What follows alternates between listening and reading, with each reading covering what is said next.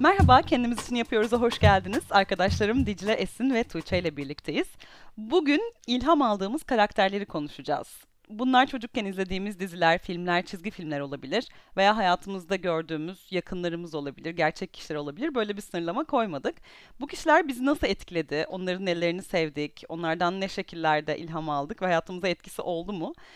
Konuşurken bunların üzerinde de durup analiz edelim istiyorum. Ben başlayayım. Genelde hani kurgusal karakterler geldi hep aklıma. Yani gerçek bir kişi çok fazla gelmedi. O yüzden biraz kurgusal karakterlerden bahsedeceğim. Ben çocukken hep böyle işte savaşçı, ata binen, ok atan, kılıç kullanan falan kadınları çok özenirdim. Ve hep çok yapmak istedim. Ee, ama olmadı. Çeşitli sebeplerden ötürü. Ok atmaya gitmiştin bir hafta Evet. hatırlıyorum. Aynen. Gitmiştim. Ona bir başlama denemem olmuştu. Ama böyle hani ata binmek gibi sporlar çok pahalı şeyler olduğu için ya da eskrim falan ailem tarafından spor gibi ciddiye alınmadığı için e, çok fazla e, onun üzerine gidemedim. Ama hep böyle karakterleri çok örnek aldım. Şimdi zaten hepimiz tek tek bahsedeceğiz sanırım. E, Disney bir sürü kadın karakteri bünyesinde bulunduran, bir sürü işte güçlü genç kızı bünyesinde bulunduran bir platform. Ee, bunlardan benim en çok sevdiğim Mulan ve e, Güzel ve Çirkin'deki Belle olmuştur. Niye? Çünkü Mulan hani bir noktada savaşçı oluyor ve ülkesini kurtarıyor. Ama onda tabii bir takım problematik şeyler var. Erkek kılığına giriyordu değil mi ya? Evet. Oraya Evet. girmek için. Aynen. Bence burada enteresan seçim olan Bel ya. Bel'i çok merak ettim ben. Neden Bel? Neden mizah? Ya o da biraz akıllı görünüyor Belde. Evet Kitap o da çok okuyor. akıllı. Aynen kitap okuyor. Çok akıllı. İletişim becerileri çok yüksek. Şu an baktığım zaman hani hem Belle hem Mulan problematik karakterler olarak görünüyor. Ama o zamanlar küçük bir kız olarak e, en çok onların beni heyecanlandırdığını hatırlıyorum. Mula'nın nesi problematikmiş? Çünkü ülkesini kurtardıktan sonra "E, hayır ben orduların başına geçmeyeceğim, evlenip çocuk yapmak istiyorum gibi bir şey söylüyor. Ha. Ama ke- isteği bu olabilir canım. Evlenip çocuk yapmak da kötü bir seçenek değil ki. Yani Tabii, evet tabii, tabii, evet. olabilir. Biraz işte eskiden Disney'in verdiği mesaj hep buydu ya. Hani Evet. Aşkı bu ya. bulmak ve mutlu olmak. Yok ya şu an artık hani erkek olmayan e, Disney filmleri de çıkıyor. Öyle mi? Aşkla bitmeyen Disney çizgi filmi var mı? Frozen'ın ikincisi. Yani gerçi yine içinde biraz aşk var ama E, Hmm. Frozen birincisi de öyle Brave var mesela. mesela. izlemedim ama Evet. öyle olması Onda hiç gerekiyor. aşk yok mesela. Evet. Moana okçu kız mıydı? Yok bu Hawaii Adada temalı olan. Hmm, hmm, tamam evet. Şey Disney'e Indigenous'ta bir prenses e, barındırın Koyalım. dediler. Yerli bir e, şeyi de prensesi de prensese de yer verin dediler. O zaman çıkardıkları çizgi film. Yok ama Disney zaten son zamanlarda hep renkli yani beyaz olmayan e, karakterlere yöneldiği, odaklandığı için her şeyden birer tane yapmaya çalışıyorlar. Evet. Evet, Kurbağa Prenses, The Princess and the Frog. Türkçesi Kurbağa Prens miydi filmin adının? Evet. O da mesela siyah bir karakter var başrolde ve bir restoran açmak istiyor, onu işletmek istiyor. Onun maceralarını anlatıyordu. Hmm, ne güzelmiş. Diversity'yi ekranda görmek küçük çocuklar için çok önemli ya. İşte bu siyahi Barbie bebek falan filan da çok e, büyük olay olmuş ya. Aynen. Onunla ilgili bir şey söyleyebilirim. Mesela çocukken bilmiyorum siz Power Rangers sever miydiniz? Çok. Ama ben ben işte böyle- severdim. Dövüşçü falan olduğu için çok severdim. Ama orada işte pembe Power Ranger asıl böyle ana başrol kadın Power Ranger'dı. Ama ben hani sarışın olmadığım için çünkü pembe sarışındı ve pembe tabii ki hep kapılıyordu ne zaman oynasak Crash'ta falan. O yüzden ben hep sarı olurdum, sarı Ranger olurdum. Çünkü o siyahiydi ve benim ten rengime en yakın olan oydu. ya Bunu ben o kadar çok şeyde yaşadım ki mesela ya. Spice Girls yapıldığında Mel Melby oldum hep. ya böyle Victoria'ya yükselene kadar falan uzun bir Melby yolculuğum oldu. Bunu gerçekten çok fazla Nereden nereye? Bir de kendi karakterlerimi bitirmeden önce bir kişiyi daha eklemek istiyorum. Karayip Korsanları'nın birinci filmini ben 25 kere falan izlemişimdir. Çünkü Orlando Bloom'a aşıktım. Ee, Baba oldu. Aynen baba oldu kendisi. Orlando. Bloom'la ilgili bir defterin vardı Evet, ya. evet. Defterde Orlando Bloom resimleri ve haberleri doluydu. Ama hangi genç kız aşık değildi bir dönem? Aa ben hiç değildim. Ben hep sümsük Aa. bulurum. Evet hiç beğenmem. Hala da beğenmem. Legola sen Yüzüklerin Efendisi izlemedin. İzlemedim. Değil mi? Evet. Ah, işte. Anlarım. Neyse ama ben böyle izleye izleye Karayip Korsanları'nı orada Elizabeth Swan karakterini de çok kendimle özdeşleştirdiğim oldu. Çünkü o da böyle kurallara e, isyan eden ve hani valinin kızı olmakla anılmak istemeyen ve her zaman macera peşinde koşan bir karakterdi. O yüzden onu da hep çok sevdim. Tişecim sürekli militarist maceralar peşinde koşmak istiyormuş bilinçaltı. Aynen. Bel'le ilgili bir şey söyleyecektim. Bel'i hiç konuşmadık ya. Burada ben bir iki arkadaşıma şey sordum. İşte sizin neydi? Ee, bu haftaki podcast bölümünde bu konuyu ele alacağız falan dedim. Kanadalı bir arkadaşım Bel dedi. Ve e, o da şeyden bahsetmişti işte. Küçükken ben çok kitap okumayı seviyordum ve Bel'in en önemli özelliğinin kitap okumayı çok sevmesi olması e, bana kendimi çok iyi hissettiriyordu. O yüzden onu çok e, rol model olarak almıştım demişti ama tabii Bel'in de kendisini tutsak tutan eee, canavara aşık olması. Evet ya bir de o Aynen, canavara Stockholm sürekli bakıcılık sendromu. yapıyor. Evet. Canavarı kendi sevdirmeye Evet. çalışıyor falan. Yani onlar bayağı sıkıntılı ama gerçekten çok akıllı ve kitap okuyan bir karakter. Mesela babasından daha akıllı olması falan. Yani çok ilgi Evet. çekiciydi. Evet. Ben biraz bu konuyla ilgili düşünürken az çok kestiriyordum konuşacağımız şeyleri. Mulan bunlardan biri. Neden acaba bu karakterlerle özdeşleştirmişiz diye düşünürken şu aklıma geldi. Şimdi Virginia Woolf'un kendine ait bir odada yazdığı şöyle bir şey var. Fiction'da yani romanlarda, edebiyatta kadınlar sürekli işte birinin eşi, birinin kardeşi olarak resmediliyor. Ve Jane Austen zamanına kadar da bu böyle devam ediyor. Kadınlar hiç kendileriyle hani birbirleriyle arkadaş olurken resmedilmiyor, başka işler yaparken konuşulmuyor. Sadece işte erkeklerin çevresine dönen işte eşler, kardeşler, anneler vesaire olabiliyor demişti. Bunun modern yansıması da işte televizyon dizilerinde, programlarında kadın karakterlerin bu şekilde resmediliyor olması. Biz biriyle kendimizi özdeşleştirmek, bağ kurmak isterken yani daha doğrusu bağ kurarken onların içinde bize benzer bir şey bulmaya çalışıyoruz. Bu sarı Power Rangers örneğinde de böyleydi. Yani ha, onun, o da esmer, ben de esmerim. Bir şekilde yakın hissediyorum kendime ve onu rol model olarak alabiliyorum. Veya işte e, ilham alabileceğim bir karakter oluyor mesela. Bu anlamda hakikaten çizgi filmlere, filmlere baktığımız zaman karakterli, kendine ait hikayesi olan kadın bulmak çok zor. Bu yüzden kendi karakteri olan, kendi rolünü kendi çizmek isteyen, bir şeylere isyan eden kadınları seçmemiz çok normal. Evet, Evet. özellikle sen Jane Austen'dan daha çok bahsedersin diye bekliyorum şu an bu podcast'te.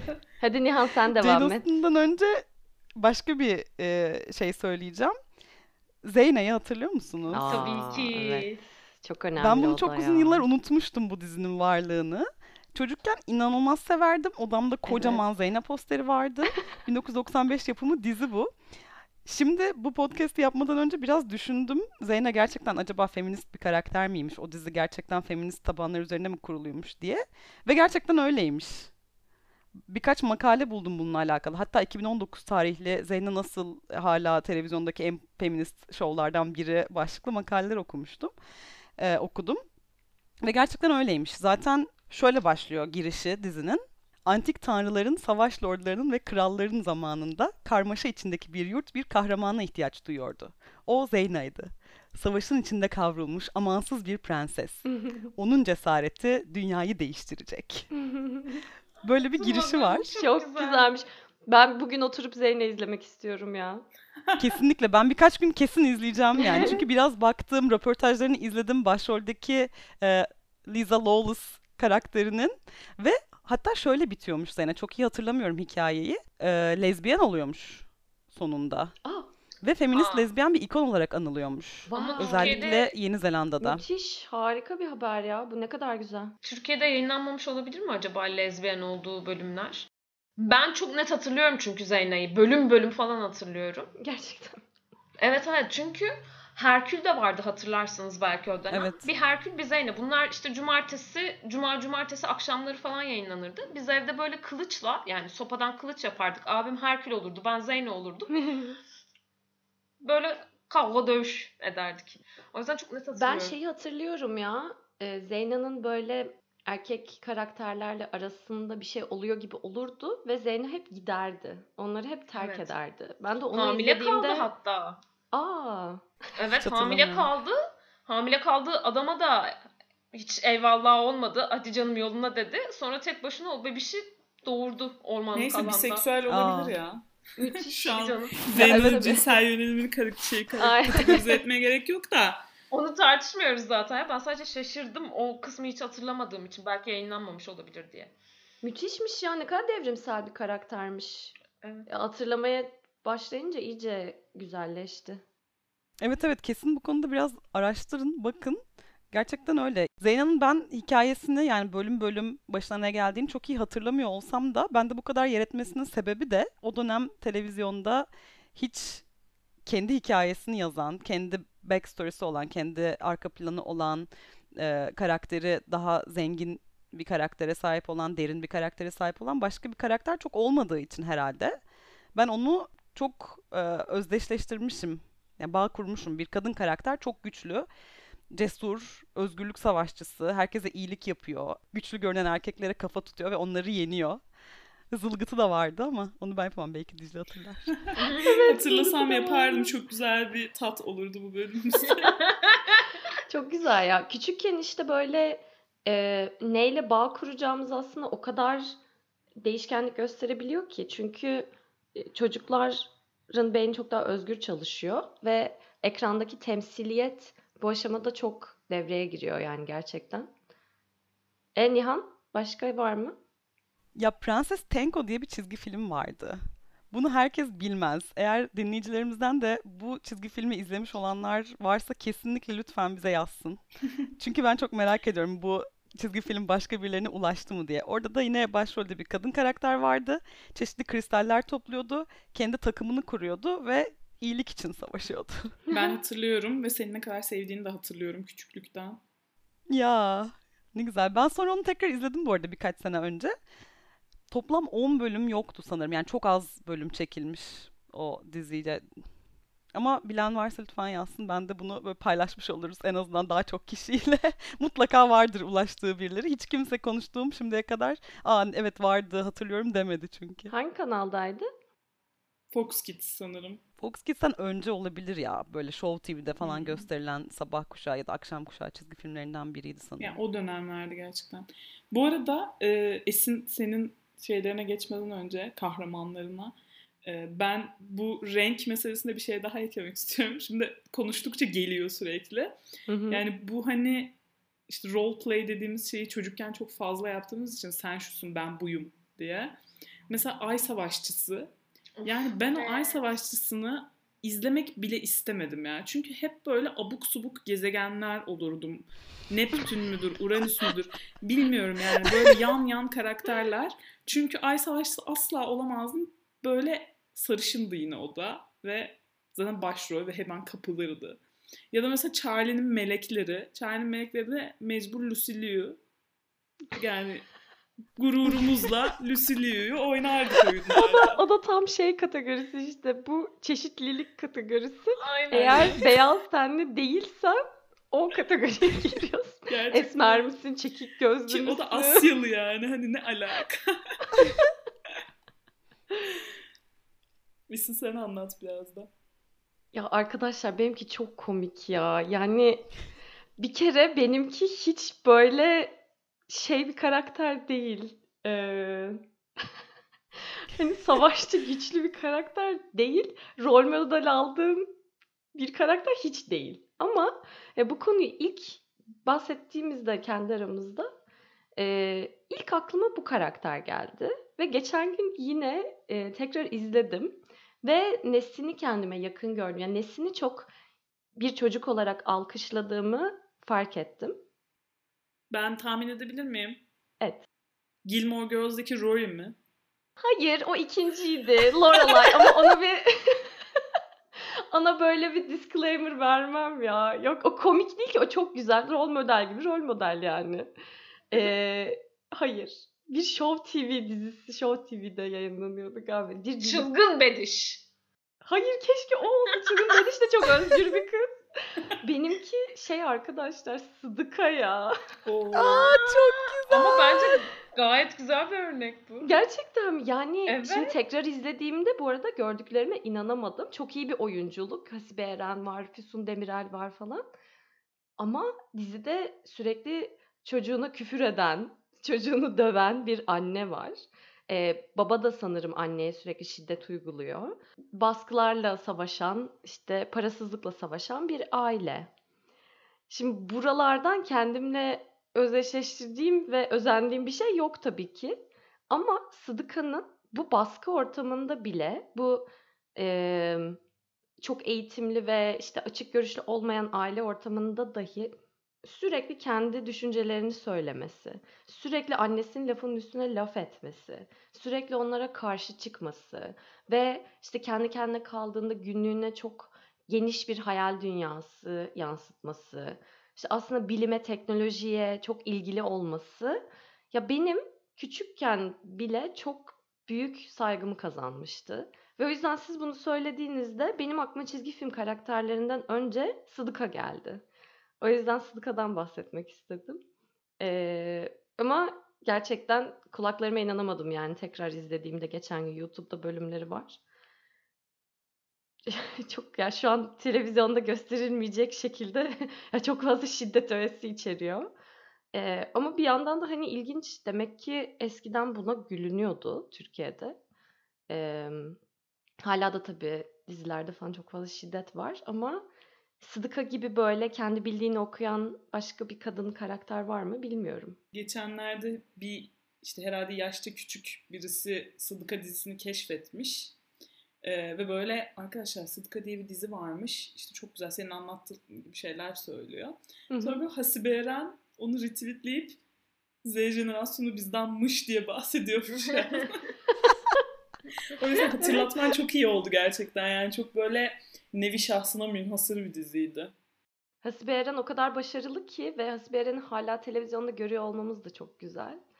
E, o zaman yani Hasibe Eren'i ben Sıdıka zannedeceğim zaman yaşlardaydım.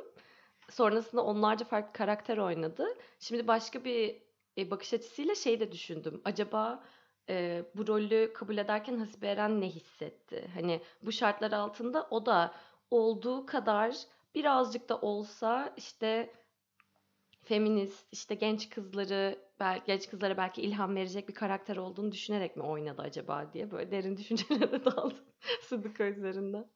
Ama bence zamanının feminist karakteri ya Sıdıka. Çünkü yani feminizmi şey diye anmamak da gerekiyor. Yani feminist kadın dediğimiz zaman gözümüze şey de gelmemeli. Böyle kendini bütün dış etkenlerden soyutlamış, her halükarda kendi bildiğini okuyan, çok başarılı bir yere gelmiş. Yani böyle çok nasıl tarifleyeyim onu böyle klas, prestijli böyle hani büyük büyük yerlerde büyük büyük şeyler başarmış bir kadın ancak feministtir gibi bir algı da yaratmamak lazım.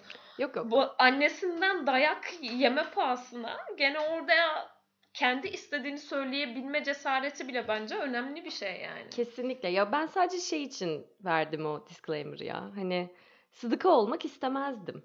Hani ama Sıdıka'dan örnek aldığım ve keşke ben de büyüyünce böyle olsam dediğim o işte hazır cevap oluşu ve eee, gerçekten o koşullar içerisinde kendisine ait bir geniş yaratıcı dünya yaratmış olması benim için çok güzeldi. İkinciye geçeyim mi? Dicle bozdum. Ee, Gilmore Girls'daki Lorelai yani anne. Rory değil.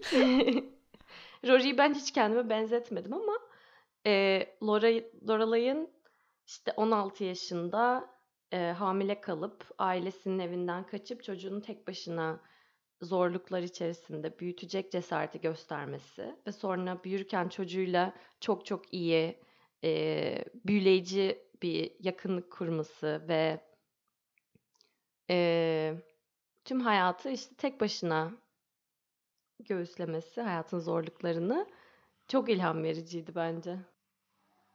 Evet, kesinlikle.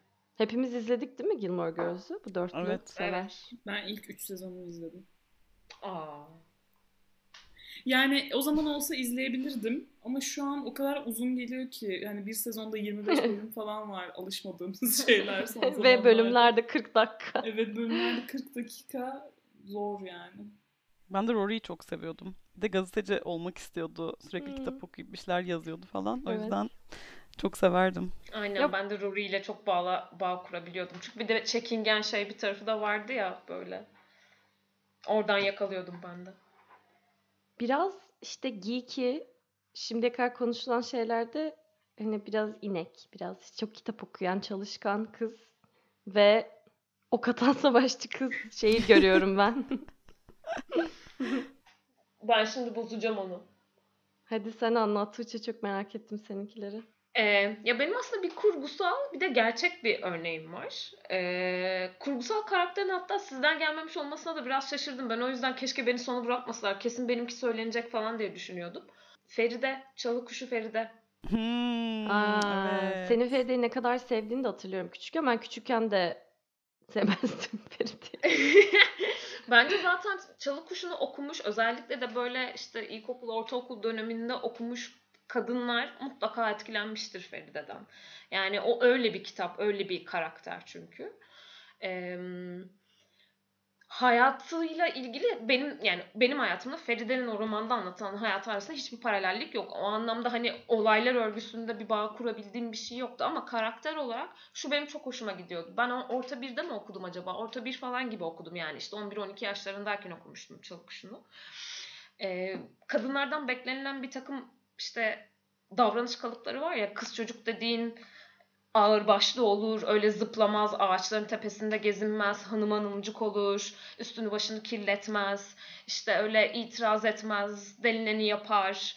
Ee, biraz daha böyle kibar kibar, Barbie bebek gibi bir tanımlama, yani öyle bir ka- davranış kalıbı bekliyoruz ya kadınlardan. Feride tam tersine aşırı haylaz, işte kitapta da hep böyle erkek çocuk gibi e, diye tanımlanan bir karaktere sa- yani bir yapıya sahip öyle davranışları var ve karakter olarak da inanılmaz derinlikli bir karakter. Bence Türk edebiyatında yazılmış en derinlikli kadın karakteri olabilir. Çünkü az önce Nihan'ın da dediği gibi biz kadın karakterleri genelde çok tek boyutlu işlemeyi seviyoruz. Ya birinin eşi, kocası şey kocası diyorum. Birinin eşi, karısı, işte annesi, çocuğu falan ya da tek başına bir kadın karakter olduğu zaman da tek bir özelliğine vurgu yapar. Yani aptal bir kadın mı? Sinsi bir kadın mı? Güzel bir kadın mı? Hani tek bir boyut üzerinden anlat, anlatmayı seviyoruz.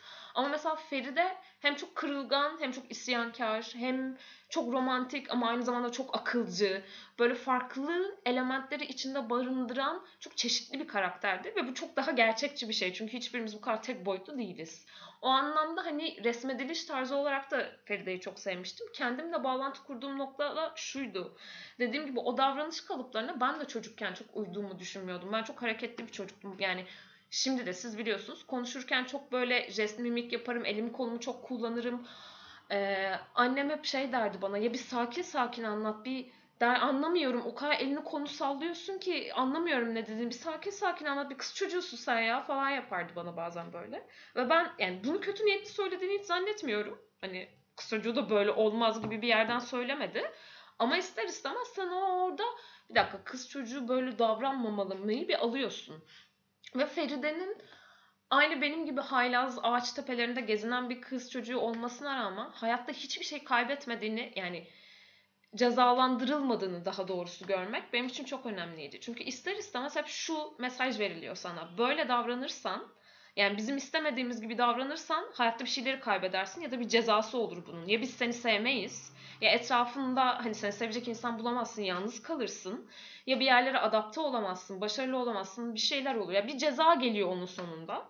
Ama Feride kendi bildiğini okuyup kendi gibi olmaya devam edip herhangi bir cezaya da maruz kalmayıp, yalnız da kalmayıp gayet gittiği her yerde insanlar tarafından sevilen bir karakter olmuştu. O açıdan mesela ben ben çok etkilenmiştim yani Feride'den. Ee, diğerine geçmeden bunu bununla ilgili bir yorum yapacağım. Ben de çok severdim Çalı Kuşu'nu. Fakat şunu hatırladım şimdi. Feride gittiği okullarda, gittiği şehirlerde tek başına bekar ve güzel bir kadın olarak sürekli tacize uğruyordu. Evet. Yani ona sürekli ne kadar güzel olduğuyla alakalı mahalleli şakalar yapıyordu. Gidip kendisine imalı şeyler söylüyorlardı. e, başına kötü şeyler geliyordu. Ya tam hatırlamıyorum ama e, o beni çok etkilemiş yani. Ya şöyle, e, bu bence bir eksi değil kitapta bundan bahsedilmiş olması bu arada. Bu çünkü gerçekten Bir o gerçeklik. nokta yani evet bir gerçeklik yani hani şu an bile yaşadığımız bir şey ki o kitabın yazıldığı anlattığı dönemleri düşündüğümüz zaman yani Osmanlı'nın son dönemlerinde bir kadının Anadolu'yu gezmesi zaten çok muazzam bir şey yani orada bir şey yaşanacağı bir dram olacağı çok açık zaten. Ama burada hani kitapta bunun işleniş biçimi zaten bunun aslında ne kadar acıtıcı bir şey olduğunu çok net ortaya koyuyordu. Bence güzel olan taraflardan biri de oydu zaten. Bir sevgilisi vardı ya adını unuttum karakterin Kamran. şimdi. Kamran, Kam- Kamran. Sonra ne oluyordu? Sanki bir noktada reddediyordu Feride onu. Aa, onlar evleniyorlardı. Tam düğün gününden bir gün önce Kamran'ın zaten e, İsviçre'de mi ne bir karısı olduğu ortaya çıktı. Feride zaten o yüzden çalı oldu. Ha, okey. Tamam. Güzel. Sonra pılını pırtını toplayıp evi terk etti. Bilmeyen Yıllarca varsa geri bu arada- dönmedi. Heh, Anadolu'yu öğretmenlik yapmak için geziyordu değil mi? Onu da söyleyelim. Bilmeyen varsa lütfen okusun. Dünyanın kitabı falan. Ee, ikinci örneğim de şu. Bu gerçek bir hikayeden alınmıştır. Ee, küçükken bizim oturduğumuz apartmanda bir alt katımızda Müjde teyze vardı. Komşumuz. Ben Müjde teyzeyi çok severdim ve çok hayranlıkla bakardım Müjde teyzeye. Çünkü benim annemden çok farklı bir profilde. Şimdi annemin bu podcast'i dinlemediğine güvenerek aşırı rahat bir şekilde konuşacağım. İnşallah bir yerden duymaz. Umarım annem dinlemez. Ee, şimdi benim annem ev hanımı. Ya babam çalışıyordu. Annem ev hanımı. Ev hanımı. Asla böyle baskıcı ve şey bir ortamda yetişmedim. Onun disclaimer'ını, onun açıklamasını da vereyim de yanlış anlaşılma da olmasın. Yani hani böyle çok klasik bir Türk ailesi de değildi. Gayet eşitlikçi bir aileydi aslında. Yani annemin ev hanımı olması onu böyle bir düşük bir e, ne diyeyim yani babama babamla kıyaslandığında daha düşük bir yerde hissettirmiyordu hiçbirimize. Ama yine de demek ki çocuk aklımda bile arada bir fark olduğunu görmüşüm ki e, ben mesela büyürken annemden farklı bir kadın modeli olmak istediğimi biliyordum. Çok küçük yaşımdan itibaren biliyordum. Müjde teyze de, tam böyle şey annemle falan yaşıttı aslında. Benim annem de zaten genç anne olmuş olduğu için genç bir kadın. Ee, çalışıyordu Müjde teyze. Arabası vardı. Ee, böyle daha yeni küçük bir çocuğu olmuştu. O zaman ben böyle 5-6 yaşlarındayken işte bir, bir yaşında falan bir oğlu vardı. Bir benimle eşit bir oğlu vardı. Bir de işte küçük oğlu vardı. Ben ilk mesela arabada çocuk koltuğunu, bebek koltuğunu Müjde teyzelerde görmüştüm ve böyle hani uzay mekiği görmüş gibi heyecanlanmıştım. Çünkü benim bildiğim hani çocuk böyle annenin kucağında gider arabada. Hiç öyle bir araba koltuğu falan çocuk koltuğu gibi bir dünya yoktu yani benim yaşadığım dönemde. Ee, böyle evleri aşırı modern ve şeydi. Ve böyle Müjde teyzenin o ne bileyim kendi hayatını kontrol edebilme, kendi kararlarını alabilme ve kocasına en azından benim annemle kıyasla daha az bağlı o ya bağlı demeyeyim ama daha az bağımlı olma hali e, beni çok etkiliyordu ve böyle ona bakıp tamam ya ben de böyle olmak istiyorum işte. Yani ben de kendi paramı kazanayım. Benim de arabam olsun. Hiç kocama kocamdan para istemek zorunda olmadan fıtı fıtı araba koltuğuma bebişi oturtayım gideyim oralara buralara falan diye böyle onun hayalini kuruyordum ve çok etkileniyordum yani ondan. Bu böyle 5-6 yaşımdayken kendime çizdiğim yönü çok net ortaya koyan bir örnek benim için. E, araba ve bebek kalmış o zaman senin için sadece. Aynen. Ve bebek Şu an onları o kadar istemiyorum ama. Çok güzelmiş ya. Ne yapıyor acaba? Şu an baktın mı hiç sosyal medyadan? Ee, Amerika'ya taşındılar ya. Arada konuşuyoruz. Annemler görüşüyor hala. İyi, güzel. İnşallah o Evet. Amerika'ya taşınma kısmında kısmet olur. Benim şu an tek yorumum şudur. Keşke ben de biraz sizler gibi kendi karakterlerim üzerine uzun uzun düşünseymişim de. Yani bilmiyorum. Seviyordum gibi cevaplar vermeseymişim podcast'ın başında. İlk sen anlattığın için öyle oldu ya. İstiyorsan Evet. varsa aklında biraz düşün. Olsun. Benimki de benimki de ayrı bir sıcaklık kattı samimiyet. Bir de seninkiler zaten çok şey e, belki tabii biz seni çok iyi tanıdığımız içindir. E, neden onları seçtiğin zaten çok belliydi. Ya biraz analiz ettik zaten ya. Az çok hani neden kendimizi bağdaştırabileceğimize dair örnekler verdik. Ben başka bir şeyden bahsetmek istiyorum. Ya bu filmler, diziler dedik ya hani çok fazla kadın karakter kendine özgü hareket edemiyor, kendi senaryosu, kendi hikayesini kendi yazmıyor. Genelde işte eş çocuk bir yan karakter gibi ortaya çıkıyor. Başrol bile olsa erkeklerin çevresinde şekillenen bir hayatı oluyor. Bununla ilgili Bechdel testi diye bir şey var. Biliyor musunuz ne olduğunu? Kadın karakterlerin ne kadar yer aldığına dair bir test. Üç sorusu var bunun. Bir filmde veya dizide en az iki kadın karakter var mı? Hmm. İkinci soru bu iki kadın karakter birbirleriyle konuşuyor mu? Üçüncü soru erkekler dışında başka şeylerden konuşuyorlar mı? Evet ben bunu Bu hatırlıyorum. üç sorunun cevabı evetse o zaman hani kadın karakterler olan ve e, senaryoda etkisi olan bir film veya dizi diyebiliriz. Bir de seksi lamba testi diye bir şey var. Sexy lamp test diye bir şey. O da bir kadın karakteri bir seksi bir lambayla değiştirdiğinizde hikayenin gidişatında herhangi bir değişiklik oluyor mu? Ve o kadar fazla film bu testlerde kalıyor ki yani şimdiye kadar çok klasik, çok kült, inanılmaz bir film diye böyle hani bu konuda konsensus olan filmler bile bu testten hiç geçemiyor. Var mı öyle bir örneğimiz? Bu testten geçemeyen kült bir film. Düşünelim. Fight Club. İki kadın karakter var mı? Yok. Yok. Evet. Birinci soruda gitti zaten. Gerçekten. Zaten çok maskülen bir film ya. Bu Evet. şeyi çağrıştırdı ya bana. Hani bununla ilgili de çok fazla Hollywood şakası var şu an. Eşcinsel karakterler hep e, yan karakter ve ana karakterin, ya ana kadın karakterin aşkı bulma macerasında gidip dertleştiği kişi. Başka hiçbir senaryoya yön veren, e, filmin gidişatında etkisi olan bir kişi değil. E, onu da herhalde şeyle değiştirsen, işte tatlı bir bilgisayarla değiştirsen gidip konuşup içini döktün yine bir şey değişmiyor yani. Ya bence kadının yani kaç tane kadının kullanıldığı ya da kadın karakter kullanıp kullanılmadığı o kadar kritik gelmiyor bana da. O kadın karakterin nasıl kullanıldığı daha kritikmiş gibi. Yani çünkü ilk, yani hiç kadın karakterin olmadığı bir film de olabilir. Hiç erkek karakterin olmadığı bir film de olabilir. O hikayeye göre değişir. Gerçekten bir adamın bir saatini anlatan bir film yaparsın ve hiçbir kadın karakter yoktur ama güzel de bir film olabilir yani hani ya da bir kitap da olabilir vesaire. Ama varsa bir kadın karakter onun nasıl yansıtıldığı, nasıl temsiliye tems, temsil edildiği daha önemli bir faktörmüş gibi geliyor bana. Yani Kesinlikle. gerçekten mesela Sexy Lamp testinden kalıyorsa o bence daha majör bir sıkıntı yani. Sadece böyle bir seks objesi olarak kullanılıyorsa kadın bu bayağı sıkıntılı. Bir de mesela Sex and the City'yi düşünüyorum şimdi acaba üçüncü ka- kriterden kalıyor mu diye. Kadın karakterler var birbirleri konuşuyorlar ama %90 erkekler hakkında konuşuyorlar. Evet ya. Evet. Bu aslında ben Tuğçe'den bekliyordum bunu. Gerçi bunu yeni konuşmuştuk. Sen çok senin için özel olmadığını söylemiştin ama e, Küçük Kadınlar filmi, e, şey kitabı ve filmi var ya. Oradaki Joe da hmm, çok büyük, önemli ve işte genelde feminist ilk karakterlerden biri olarak bahsedilen bir karakter. Kitapta ne oluyordu hatırlamıyorum Joe'ya ama filmde bu yeni yapılan Emma Watson'la olan filmi daha yeni izledim ben.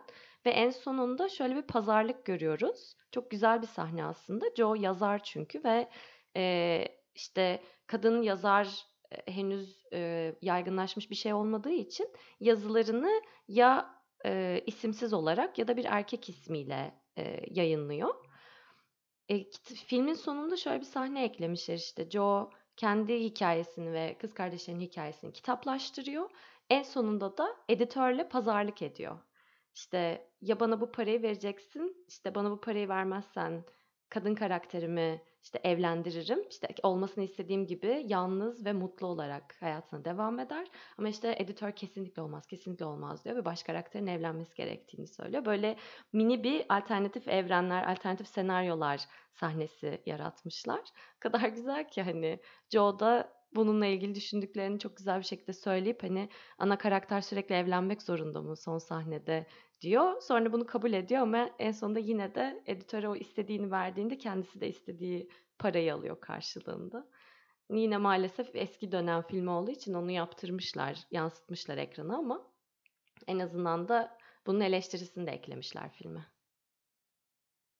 Ee, İzleyin. sen Tuğçe'den beklemişsin ama aslında Joe benim listemde vardı. Var mıydı? Evet ama sonra da şunu düşündüm. Yani örnek aldığımız kadın karakterler de hep cefa çekmesin de. Evet. Feride gibi yani. Gerçekten Evet. Joe da çok cefakar bir karakterdi aynı zamanda. Yani buna da üzülüyorum bir yandan anlatabiliyor muyum? Ya biraz yokluktan öyle oluyor sanırım.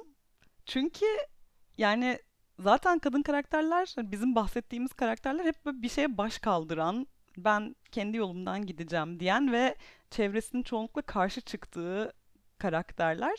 Çünkü her şey normal ve kimse bir kadına karşı gelmiyorken hani onun kendi hikayesini yazdığı çok az dizi, film ve durum var bence gerçek kişilerde de. Şeyin de ben konuşulmasını istemiştim. O buna bir örnek olur mu? Harry Potter, Hermione. Evet, çok önemli bir karakter. Evet, o da Ben de hepimizi düşündüm bunu. etkilemiş bir kadın karakter yani. Ve Bence zaten son kitap tamamen Hermione'nin diğerlerini kurtarması üzerine kurulu. yani O onun kadar çok kez kurtarıyor ki hepsini. Evet. zekasının sürekli övülmesi ve e, bütün kitaplarda çok kahramanlık örnekleri göstermesi de çok önemli.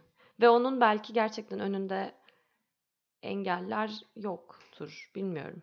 Sosyal ortamlarda aslında ezilen bir karakter ama Ama o da biraz dezavantajlı. Dezavantajlı başlıyor sonuçta. Annesi babası Evet, ya da cadı sonuçta. değil.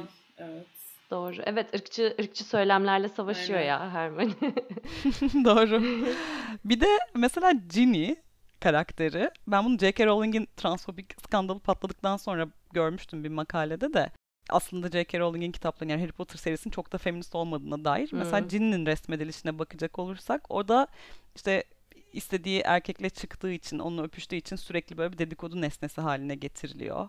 Sürekli arkasından konuşuyorlar. İşte abisi onunla öpüşemezsin diyor. Harry sürekli onu kıskanıyor falan. Aslında böyle bir yansıtılışı da var. Ben hayal kırıklığı yaşamıştım bunları duyunca. Harry Potter'a olan inancım biraz sarsıldı. Evet açıkçası küçücük arkadaş grubundan herkesin birbiriyle evlenmesi de beni çok hayal kırıklığına uğratmıştı. Yani geniş çevreniz koca okul kardeşim koca sihir dünyası gidin başkasıyla evlenin yani. Mesela Hermione bu evcinlerinin özgürlük savaşçısı derneği gibi bir şey kuruyordu. Hatırlıyor musunuz? Adını tam hatırlamıyorum derneğin de. Evet. Orada da kimse Hermione'yi ciddiye almıyordu. Bu da bunlarla ilgileniyor işte falan yapıyorlardı. O da benim kalbime oturmuş. Evet insan hakları yani kendisi gibi olmayanın hakkını savunan böyle güzel bir insani bir karaktermiş. Yani cinin meselesinde ya bazı gerçekliklerin resmedilmesine sıkıntı yok bence ama resmederken eleştirisini vermek gerekiyor. Doğruyu ve yanlışı gösterebilmek adına. Yani Rowling'in orada bence eksikliği onun belki eleştirisini net bir şekilde vermemiş olması ama yani hani 6 tane erkek kardeşi olan bir kadın karakterin hani bunları yaşıyor olması da bir yandan gerçekçi. İşte evet yani zaten bir konuda eleştiriyoruz diye onu çöpe atacağız. Bu çok kötü bir eserdir. Hiç e, örnek alınmamalıdır falan diye bir yaftası yapıştırmıyoruz yani. Bence zaten öyle olmasa da hiç gerek yok. Hermione hala hepimizin içinde yaşayan bir karakter yani ne olursa olsun. Konuşacaklarımız bu kadarsa bence buna başka bir zaman bir ikinci bölümde çekebiliriz. Tekrar düşünüp aklımıza geleceğinden eminim. Peki siz ne düşünüyorsunuz? Sizin örnek aldığınız karakterler, ilham aldığınız karakterler var mı? Bunları lütfen bizimle paylaşın. Kendimiz için yapıyoruz Instagram hesabımız. Herkese açık. Oradan bizi takip edip yorumlarınızı ve düşüncelerinizi iletebilirsiniz. Haftaya görüşmek üzere. Hoşçakalın. Hoşçakalın. Hoşçakalın.